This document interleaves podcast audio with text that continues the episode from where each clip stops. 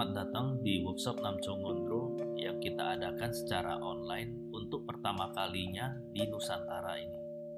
Pada minggu pertama, kita akan bersama-sama mempelajari apa yang dimaksud dengan kelahiran manusia yang berharga.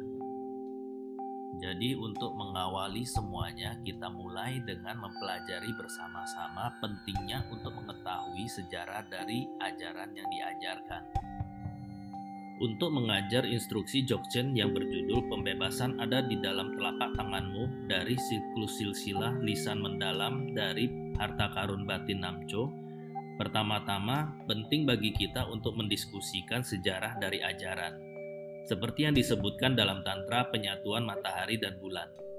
Jika kita tidak memaparkan sejarah ajaran, ada kesalahan karena menimbulkan ketidakpercayaan di antara para pendengar mengenai keaslian dari ajaran Tantra rahasia yang agung dan ultimate. Guru kita Buddha Sakyamuni merealisasi pencerahan berkalpa-kalpa lalu yang tak terhitung jumlahnya. Sejak itu beliau telah mengajarkan Dharma secara meluas sesuai mentalitas para makhluk yang berbeda-beda. Sebuah teks menyebutkan ribuan juta kalpa lalu yang tak terduga Tahun-tahun yang tak dapat dihitung oleh seorang pun, saya menemukan pencerahan tertinggi dan saya telah mengajarkan Dharma secara berkelanjutan. Ini dapat ditemukan dalam sejarah Tantra Sri Heruka Korlo Demchok yang mengatakan, Guru kita Sang Buddha telah tercerahkan sejak masa tak berawal dan mengajarkan Tantra Cakra Samvara secara meluas.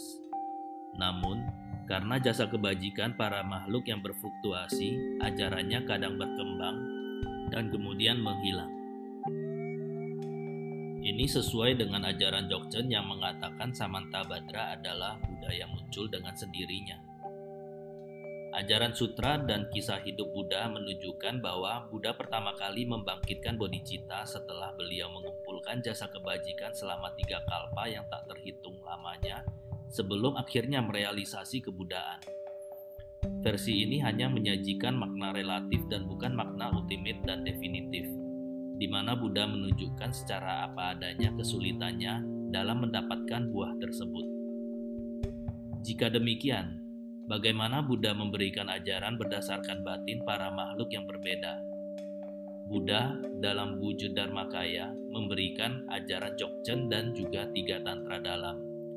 Dengan demikian, beliau adalah guru Dharmakaya. Demikian juga dalam wujud Sambogakaya, Buddha Vairokana, dan lainnya. Buddha mengajarkan tiga tantra luar.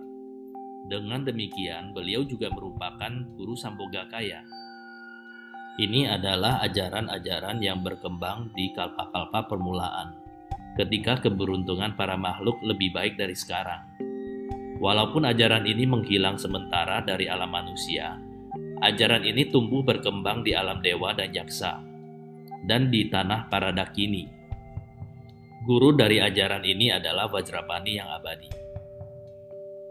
Ajaran yang diberikan dalam wujud Nirmana Kaya adalah ajaran tiga keranjang, Sutra, Winaya, dan Abhidharma. Ini tidak terjadi di kalpa sebelumnya di mana keberuntungan para makhluk lebih besar. Kemunculan guru tidak abadi dan ajarannya juga menghilang dalam jangka waktu tertentu. Secara khusus, kita sekarang akan berbicara mengenai ajaran Dharmakaya, yaitu Jokpa Chempo, puncak dari sembilan yana. Sebuah teks mengatakan, ajaran para Srawaka, Prateka Buddha, dan Bodhisattva diajarkan untuk makhluk yang kapasitasnya lebih rendah.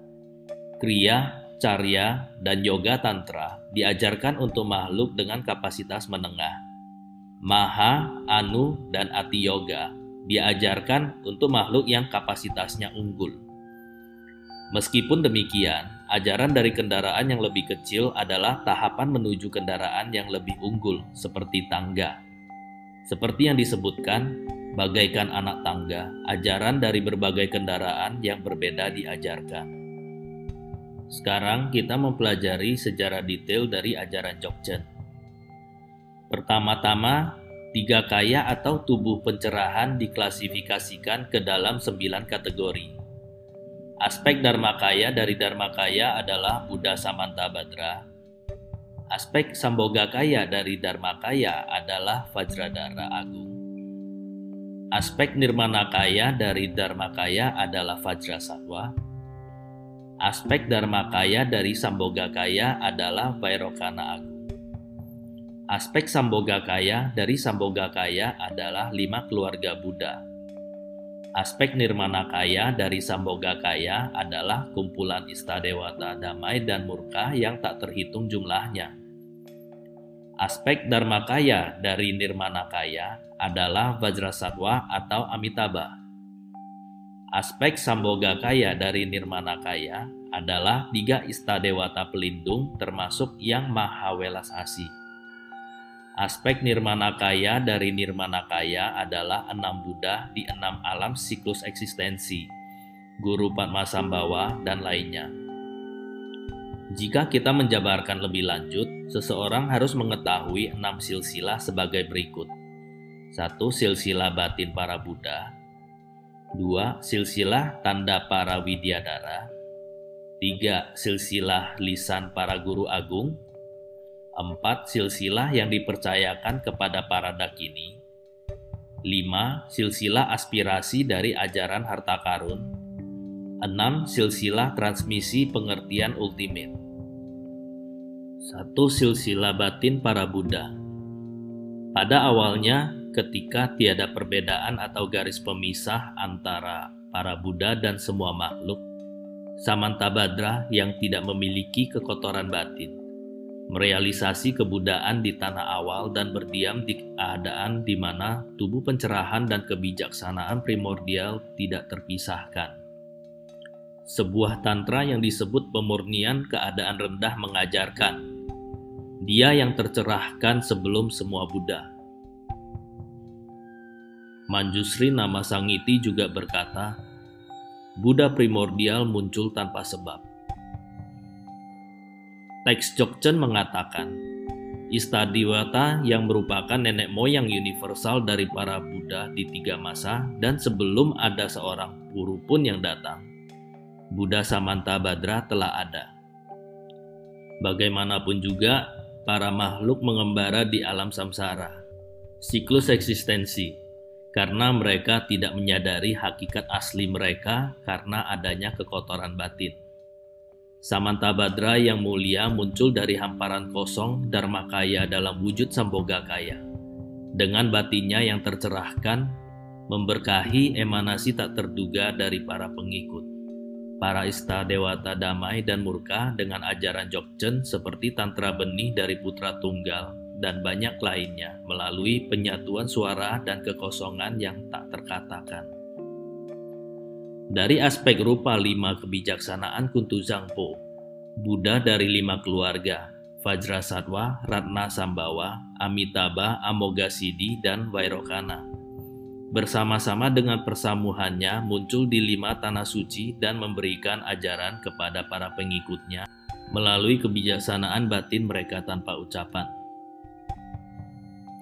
Kelima Buddha di sistem dunia yang tak terhitung di sepuluh penjuru muncul bersama mandala yang tak terukur dari lima keluarga Buddha hingga bodhisattva di bumi ke-10 dan memberi manfaat pada semua makhluk. Lebih lanjut, enam perwakilan Buddha beremanasi di enam alam samsara yang ada di sepuluh penjuru alam yang tak terhingga, memberikan manfaat pada para makhluk dalam banyak cara yang mana tidak dapat diekspresikan sendiri oleh para Buddha melalui lidah fajra mereka. Jika seseorang membicarakan bagaimana cara Buddha memanifestasikan perwujudannya di alam daya tahan, pertama-tama emanasi dari berkah tertinggi terdiri dari tiga jenis. Gambar Buddha yang dibuat dari 101 permata berharga yang berbeda, Tantra Jogchen yang disebut ajaran putra tunggal yang muncul dengan sendirinya, dan Vajra dari sifat bawaan yang seluas kepalan kesemuanya berdiam sebagai hiasan ajaran yang tidak bisa dihancurkan. Semua emanasi ini telah memberikan manfaat secara meluas kepada para makhluk, sejak waktu yang tidak dapat diingat. Dimulai dengan Buddha Ngonpa Dranpagon yang mengajarkan Jogchen dan mencerahkan 70.000 makhluk melalui Buddha Drakpa Jetpe Jikten Gon yang datang di masa perselisihan, masa kemerosotan, mengajarkan Jogchen dan mencerahkan 90 makhluk. Total, ada 65 Buddha yang datang dan merupakan pelindung kalpa dengan memberikan ajaran Jogchen, makhluk yang tak terhitung jumlahnya tercerahkan. Sehubungan dengan alam eksistensi ini, sewaktu kalpa yang disebut Tusita bertumpuk, emanasi dari Vajradara Agung muncul secara spontan di atas teratai dan memberikan ajaran Jogchen kepada Vajrasatwa dan Vajrapani melalui berkah dari batin kebijaksanaannya. Vajradara sendiri beremanasi sebagai Kyunakwa Dampa yang tak terduga yang mengajarkan 17 Tantra Jogchen termasuk di dalamnya adalah Tantra Akar Drathalgir kepada seribu Buddha dari Kalpa Beruntung. Di alam daya tahan ini, Vajradara beremanasi sebagai guru Otmitrupa, di tempat tubuh cahaya sebagai guru Jikpakyokpa, di tempat Cakjung Ngaldu Nangwa sebagai guru Jonu Rolpe Nampra Sewa, di tempat Taman Dr. Janu sebagai guru Vajradara, di tanah pemakaman kumpulan mantra sebagai guru Jonu Pawo Topden. Di tempat Raksha dengan suara Rulu sebagai guru Daksong Trope Gelpo. Di tempat Grid Kuti sebagai guru Ser Ot Tampa. Di tempat Sokpo Yumin sebagai guru Sewe Rolpe Lodro. Di tempat Grid Kuti lagi sebagai guru Otsung Drepo di tempat Vajrasana sebagai guru Ngodzong Gelpo dan di tempat Kapilawastu sebagai guru Sakyamuni. Para guru yang muncul dalam wujud Sambogakaya hanya mengajarkan tantra yang tak terkalahkan dan khususnya ajaran Jogchen. Para guru dalam wujud Nirmanakaya sebenarnya mengajarkan ajaran tiga keranjang kepada manusia umum dan bermanifestasi dalam wujud Heruka dan lainnya. Mereka mengajarkan tantra yang tak terkalahkan dan tantra Jogchen kepada para makhluk luar biasa. Karena para guru ini tidak memberikan ajaran tiga keranjang, mereka tidak disebut dalam ajaran umum yang dibabarkan Buddha. Namun, mulai dari kedua belas guru Jogchen hingga Buddha Maitreya yang akan datang dan hingga Buddha Mopa, semua seribu Buddha sesungguhnya pada hakikatnya merupakan Buddha Samantabhadra yang batin kebijaksanaannya terbebas dari kebimbangan akan realita ultimate datang secara bertahap dalam wujud berbagai Buddha. Karena itu silsilah ini disebut silsilah batin para Buddha. Kedua, silsilah tanda para Widyadara. Sinar yang memancar dari Samanta Badra beremanasi menjadi 42 Buddha dan dari setiap 10 juta sinar yang memancar dari tubuh ucapan dan batinnya muncul emanasi tiga kelompok istadewata pelindung dan mengisi seluruh semesta dengan manifestasinya dan memberikan ajaran. Manjusri berdiam di Wutaisan, gunung lima puncak di Cina, dan mengajar para dewa dan makhluk bijak. Yang Arya Awalokiteswara berdiam di puncak Gunung Potala di selatan dan mengajar para Gandarwa, dewa dan naga. Wajrapani, pemegang rahasia, berdiam di tanah suci utara Al-Kapuri dan mengajar para yaksasa dan widyadara. Wazra Yogini yang agung berdiam di Wihara Ganjo di Odiana, tanah suci barat dan memberikan ajaran kepada para dakini dan seltrapala. 24 daka dan dakini yang berdiam di 24 tempat suci memberikan ajaran kepada para pisacis dan setrapala. Namun, ini semua hanya bisa dilihat oleh para guru tercerahkan dan tidak terlihat oleh manusia biasa. Emanasi tubuh, ucapan, dan batin Kuntu Zangpo, tiga istar dewata pelindung, Manjusri, Avalokiteswara, dan Vajrapani, memberikan ajaran Jogchen kepada Dakini Muknan Ralpachen, dan 6.400.000 Dakini merealisasi pencerahan sempurna.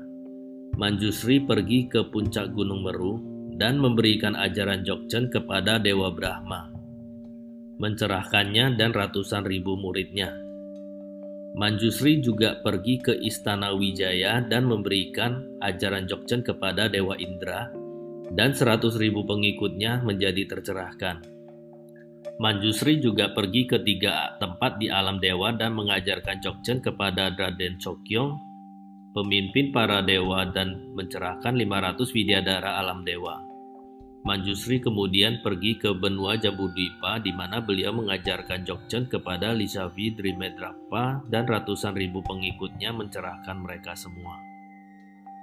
Avalokiteswara pergi ke dasar samudra di mana beliau mengajar Jogchen kepada Raja Naga, Joko, dan ratusan ribu pengikutnya, mencerahkan mereka semua. Beliau kemudian pergi ke sebelah barat daya Gunung Meru di mana beliau mengajarkan Jogchen kepada Raksa Lodro Tapden dan 500 pengikutnya mencerahkan mereka semua. Beliau kemudian datang ke benua Jambudwipa ini dan mengajarkan Jogchen kepada tujuh raja suci di tujuh tanah suci Avalokiteswara, Odiana, India, Sinhala, Kashmir, Liul, Salah, dan Tibet dan mencerahkan setiap dari seratus ribu bidadara suci. Wajrapani mengajarkan Jogchen kepada Yaksa Kardadong dan ribuan pengikutnya yang berdiam di utara Gunung Meru dan mencerahkan mereka. Vajrapani pergi ke angkasa di mana beliau mengajarkan Jogchen kepada raja para planet, Draksulchen, dan 800 ribu pengikutnya dan mencerahkan mereka. Bagaimana ajaran Jogchen tersebar di dunia manusia? Umumnya, kebanyakan ajaran Sutra Mahayana dan ajaran Tantra dari Mantrayana hanya terdapat di alam dewa dan dakini. 28 tahun setelah Buddha parinirbana, lima orang suci berkumpul di puncak Gunung Meri Barwa dan membuat 21 ratapan kepada pemegang rahasia Vajrapani yang sebagai balasannya memberkahi mereka di tengah tanda-tanda luar biasa seperti bumi berwarna keemasan dan hujan bunga. Selain itu, banyak naskah tantra yang turun dari angkasa ke atap istana Raja Ja. Naskah sutra di Sri Nalanda, naskah kriya tantra di Varanasi, yoga tantra di puncak Gunung Meri Barwa, Mahayoga tantra di atap istana Raja Ja lagi. Nas naskah Anu Yoga di hutan Sinhala dan naskah Ati Yoga di Pulau Danakosha di Odiana. Karena itu, hampir semua ajaran sutra dan tantra merupakan namcho atau ajaran angkasa. Khususnya di Odiana di wilayah Raja Torjokchen, seorang anak laki-laki berumur 8 tahun mendapat penglihatan Vajra Satwa dan menerima serta menguasai 6.400.000 ayat ajaran Jogjen. 500 pandita ulung berdebat dengan anak tersebut dan tidak bisa mengalahkannya sehingga mereka bernama Skara pada anak itu. Menyadari dengan yakin bahwa anak tersebut adalah emanasi dari Buddha. Raja sangat puas dan anak tersebut diberi nama Garab Dorje. Garab Dorje mencatat semua ajaran Tantra Jogchen dan menunjukkan banyak keajaiban seperti berjalan di atas awan di angkasa Beliau memberikan ajaran Jogchen kepada manusia dan Dakini dan mencerahkan 300 ribu para pengikutnya. Pada waktu itu Manjusri Mitra setelah menerima ramalan dari Manjusri bertemu Garab Dorje dan menerima semua ajaran Jogchen darinya. Manjusri Mitra kemudian mengelompokkan 6.400.000 ajaran Tantra Jogchen tersebut menjadi tiga kategori, Simde, kelas batin atau mental, Long D kelas angkasa, dan Menak D kelas instruksi inti. Beliau juga menyebarkan ajaran tersebut dengan mengelompokkan mereka ke dalam tiga kategori kama, ajaran transmisi, terma, ajaran harta karun, dan yenyut, ajaran silsilah lisan. Beliau kemudian mencerahkan 800 ribu pengikutnya. Sementara itu, Pandita Tiongkok Sri Singha setelah menerima ramalan dari Avalokiteswara melakukan perjalanan ke Sosaling, tanah pemakaman di India. Dengan kaki yang melayang satu hasta dari tanah dan secara ajaib tiba di tujuannya dalam sembilan hari. Di sana, beliau bertemu dengan Manjusri Mitra dan menerima semua ajaran Jogjen. Beliau juga menemukan harta karun di Bodhgaya sebelum kembali ke Cina untuk menyebarkan ajarannya dan mencerahkan 700 ribu pengikut. Pada saat itu, Vajrasatwa memberikan ramalan kepada Wimala Mitra dan Jana Sutra, yang merupakan pandita yang berasal dari barat dan selatan India. Mereka pergi untuk menemui Sri Singha dan kemudian diikuti oleh Guru Rinpoche.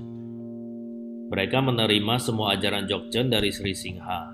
Wimala Mitra bersama dengan 600 ribu pengikutnya tercerahkan. Guru Rinpoche kemudian pergi ke surga Akanista dan menerima ajaran Tantra Jogchen yang tak terhitung jumlahnya dari Buddha Samantabhadra. Di hamparan angkasa dan realitas yang luas yang pada hakikatnya adalah murni, Guru Rinpoche menerima tak terhitung banyaknya ajaran Mahayoga Tantra dari Vajrasattva. Di alam tampilan pencapaian secara spontan, Guru Rinpoche menerima ajaran Citi Yoga dari Samantabhadra di tanah pemakaman yang bernama Kumpulan Awan Hitam, beliau menerima tak terhitung banyaknya ajaran Jogjen dari Dewa Cakyong, emanasi dari Vajrapani. Beliau pergi ke Istana Widyadara, penjelajah angkasa dan menerima abiseka dari Dakini Sang Wayese. Di Goa Maratika, Guru Rinpoche mendapatkan penglihatan Buddha Amitabha yang memberikan banyak ajaran tantra dan instruksi yang berkaitan dengan Jogchen termasuk Tuji Chenpo Tawa Yang Tong. Ketika Guru Rinpoche membabarkan ajaran Jogchen untuk pertama kalinya, 1.300.000 muridnya mendapatkan pencerahan sempurna, sehingga ini dianggap sebagai silsilah tanda Widyadara. Semua manifestasi dari Widyadara setelah berdiskusi memberkahi semua makhluk di Jambi Dwipa dengan 10.600.000 metode ajarannya untuk menaklukkan mereka. Para Widyadara juga menyediakan instruksi untuk 720.000 ajaran yang berbeda yang merupakan buah dari doktrin pembebasan.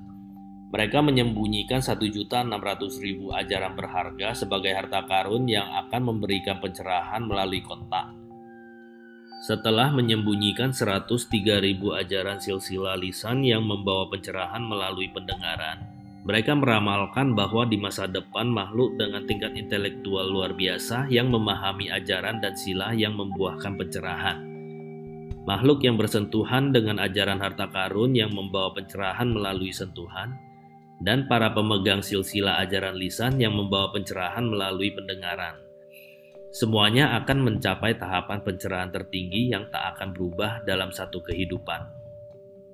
Di masa depan, makhluk yang mencapai pencerahan di Jambudwipa akan sebanyak bintang di langit. Secara khusus, di masa ketika usia para makhluk 60 tahun hingga mereka hidup hanya selama 10 tahun adalah saat ajaran Jogchen, doktrin patin para Buddha untuk berkembang manusia memiliki kecenderungan untuk mampu secara alami membersihkan kelesa dalam batin mereka dan jika mereka berlatih Jogchen, mereka akan dengan mudah mendapatkan realisasi dan pengalaman spiritual. Ini tertera dalam Tantra Jogchen seperti Drathalgyur ini adalah catatan tambahan di silsilah tanda Widyadara. 3. Silsilah lisan para guru agung Wimala Mitra dan Pak Masambawa datang ke Tibet. Wimala Mitra memberikan ajaran Jogchen termasuk 17 Tantra Jogchen kepada Nyang Ting Sin Jangpo dan Bero Satna. Dan kemudian mereka dikenal sebagai Wima Nyingtik dan Bero Nyingtik. Ini adalah Jogchen Kama atau silsilah jauh ajaran Jogchen. Belakangan siklus rahasia Jogchen, ajaran penyatu Kama dan Terma juga berkembang. Ini adalah silsilah lisan para guru agung. 4. Silsilah aspirasi dari ajaran harta karun. Apa pun ajaran Jogchen yang diberikan oleh Guru Padmasambawa telah disembunyikan, totalnya 10 juta harta karun. Mereka telah ditemukan oleh para terton yang sakti, penemu harta karun. Ini kemudian dikenal sebagai silsilah aspirasi dari ajaran harta karun.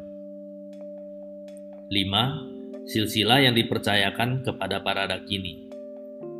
Para dakini kebijaksanaan dan para dakini lainnya yang memiliki otoritas atas ajaran muncul secara langsung di dalam pengalaman spiritual atau di dalam mimpi dan membuat ramalan serta memberikan otoritas atas ajaran. Ini yang dimaksud dengan silsilah yang dipercayakan kepada para dakini. 6. Silsilah transmisi pengertian ultimate. Seseorang mencapai pengalaman dan realisasi spiritual yang unik baik dengan menerima instruksi berdasarkan pengalaman dari guru yang berkualitas atau hanya mendengar nama seorang guru atau menerima berkah dalam pengalaman spiritual dan mimpi. Realisasi ini memungkinkan orang tersebut untuk menyempurnakan manfaat baik bagi diri maupun bagi orang lain secara ekstensif. Hal ini sama persis dengan yang disebutkan dengan ajaran harta karun tentang ramalan dari penjaga ajaran. Ajaran Namco yang sekarang adalah lengkap, mengandung semua silsilah yang disebutkan di atas. Pengertian keseluruhan dari apa yang diajarkan oleh kedua belas guru Jogjen termasuk Samanta Badra dan Makaya adalah lengkap dan semua kebijaksanaan mereka terdapat dalam ajaran ini.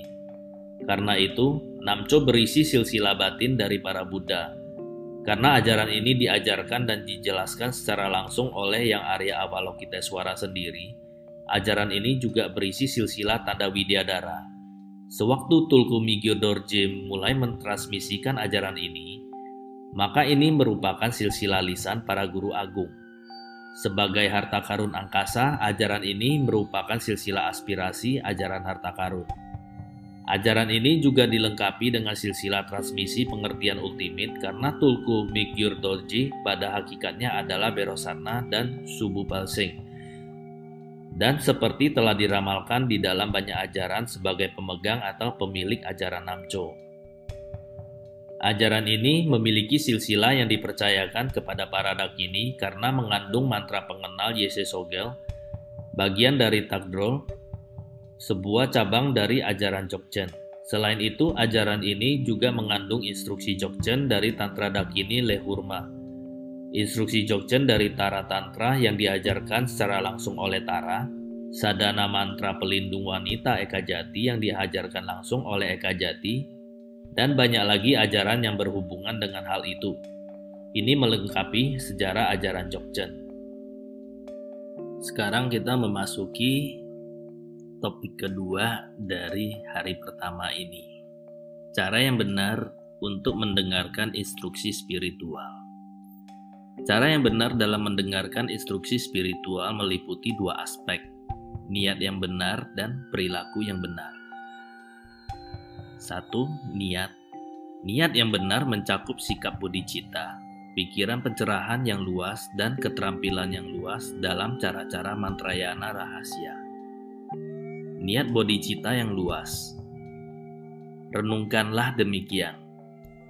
Tak ada satupun makhluk dalam alam samsara, lautan penderitaan yang luas ini, yang sejak waktu tak berawal tidak pernah menjadi ayah atau ibu kita. Ketika mereka menjadi orang tua kita, apa yang dipikirkan oleh makhluk-makhluk ini hanyalah bagaimana membesarkan kita dengan segala kelembutan cinta kasih yang memungkinkan melindungi kita dengan kasih sayang yang besar, dan memberikan kepada kita bagian yang terbaik dari makanan dan pakaian mereka. Semua makhluk yang sudah begitu sayang kepada kita ini menginginkan kebahagiaan. Namun, mereka sama sekali tidak mengetahui bagaimana mempraktekkan hal-hal yang akan membawa kebahagiaan, yaitu 10 perbuatan positif. Tiada satupun di antara mereka yang ingin menderita namun, mereka tidak mengetahui bagaimana berhenti melakukan sepuluh perbuatan negatif yang merupakan akar dari semua penderitaan. Harapan mereka yang paling dalam dan apa yang mereka perbuat sesungguhnya adalah berlawanan satu sama lainnya. Kasihan. Mereka tersesat dan kebingungan, seperti orang buta yang ditinggalkan di tengah-tengah dataran yang luas. Katakanlah kepada diri Anda, demi membuat mereka menjadi bahagialah, maka saya mendengarkan dan berlatih Dharma yang dalam ini. Saya akan membimbing makhluk-makhluk ini, yaitu orang tua-orang tua saya yang menderita dalam enam alam kelahiran ini untuk mencapai tingkat kebudayaan yang tertinggi, membebaskan mereka dari semua fenomena karma pola yang merupakan kebiasaan dan penderitaan dalam setiap alam kelahiran ini adalah sangat penting untuk memiliki niat yang demikian setiap kali Anda mendengarkan atau berlatih. Bila mana Anda melakukan suatu hal yang positif, yang penting ataupun yang tidak penting adalah sangat perlu untuk meningkatkan perbuatan tersebut dengan tiga metode yang agung. Sebelum mulai melakukannya, Bangkitkan bodhicitta sebagai alat yang canggih untuk meyakinkan perbuatan itu menjadi suatu sumber yang baik untuk masa depan. pada waktu melakukan perbuatan tersebut, hindarkan terlibat dalam pemunculan gagasan, sehingga pahala perbuatan itu tidak akan dapat dilenyapkan oleh kondisi tertentu. Selesai melakukan perbuatan tersebut, kuncilah perbuatan tersebut dengan sempurna dengan mendedikasikan pahala kebajikan yang akan meyakinkan bahwa ia akan terus berkembang. Begitu pula tentang hal mendengarkan Dharma. Cara Anda mendengarkan Dharma adalah sangat penting.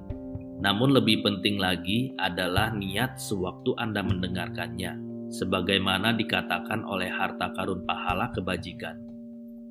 Apakah yang membuat suatu perbuatan baik atau buruk? Bukanlah bagaimana tampaknya ataupun besar kecilnya, namun adalah niat yang baik ataupun yang buruk di belakang perbuatan tersebut. Berapapun banyaknya ajaran yang telah Anda dengar, kalau itu dimotivasi dengan hal-hal duniawi seperti keinginan untuk menjadi mulia, menjadi termasyur, atau lainnya, adalah bukan jalan Dharma yang benar. Oleh sebab itu, pertama-tama adalah sangat penting untuk melihat ke dalam diri sendiri dan mengubah niat Anda. Jika Anda dapat membetulkan niat Anda, maka sarana yang terampil akan menembus ke dalam perbuatan positif Anda. Dan Anda akan menjalani jalan seorang makhluk yang besar. Jika Anda tidak dapat berbuat demikian, maka mungkin Anda akan berpikir Anda mempelajari dan berlatih Dharma. Namun itu tidak lebih dari sesuatu yang mirip dengan hal yang sebenarnya.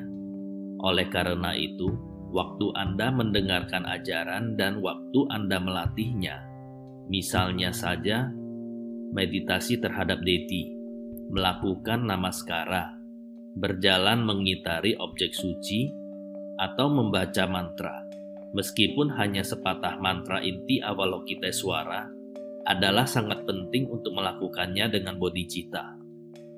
Selanjutnya, keterampilan yang luas dalam sarana, niat mantrayana rahasia.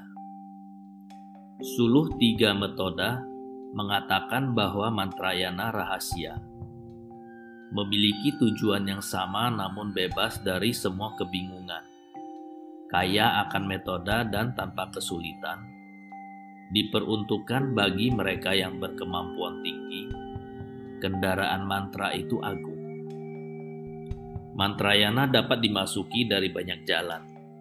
Ia memiliki banyak metode untuk menghimpun pahala dan kebijaksanaan, dan sarana terampil yang mendalam untuk membuat potensi dalam diri kita menjadi tampak tanpa harus mengalami latihan pertapaan yang ekstrim. Dasar dari metode-metode ini adalah dengan mengandalkan transformasi niat dan pikiran. Segala fenomena tergantung pada kondisi, dan segala kondisi tergantung pada niat dan pikiran seseorang. Janganlah berpikir tempat Dharma dibabarkan, guru dan ajarannya adalah biasa saja dan tidak murni. Pada waktu Anda mendengarkan, Bayangkanlah lima kesempurnaan dalam hati Anda. Bayangkan bahwa tempatnya yang sempurna adalah benteng yang maha luas disebut Akanista yang tak tertandingi. Guru yang sempurna adalah Dharmakaya Samantabhadra. Persamuhan yang sempurna terdiri dari sifat hakiki batin para daka dan dakini dan deti-deti dari silsilah batin sang penakluk dan silsilah simbol Widyadara. Atau Anda dapat berpikir bahwa tempat pembabaran Dharma adalah istana cahaya teratai pada gunung warna tembaga Nanjaya. Sedangkan guru yang mengajar adalah Pak Masambawa dari Udiana. Dan kita pendengarnya adalah delapan widyadara, 25 murid, dan sifat hakiki batin para daka dan dakini. Atau bayangkan bahwa tempat yang sempurna itu adalah alam Buddha Timur kegembiraan yang jelas, di mana guru yang sempurna Vajrasatwa dalam bentuk Samboga Kaya sedang memberikan ajaran kepada persamuhan agung deiti-deiti keluarga Vajra dan sifat hakiki batin para daka dan dakini. Bisa juga kita bayangkan tempat yang sempurna di mana Dharma diajarkan itu adalah alam Buddha Barat Sukawati. Guru yang sempurna adalah Amitabha, dan pendengarnya adalah sifat hakiki batin Daka dan Dakini dan deiti-deiti dari keluarga teratai. Apa pun halnya, ajarannya adalah ajaran Mahayana dan waktunya adalah roda keabadian yang selalu berputar. Visualisasi ini membantu kita untuk mengerti bagaimana barang-barang dalam keadaan murni. Bukannya kita menciptakan sesuatu untuk sementara yang tidak sungguh-sungguh murni. Mengapa hal-hal tersebut di atas disebut murni? Alasannya, Guru merupakan esensi Buddha yang mencakup tiga masa. Beliau adalah gabungan dari Triratna, badannya adalah Sangha, ucapannya adalah Dharma, dan pikirannya adalah Buddha. Beliau merupakan gabungan dari tiga akar.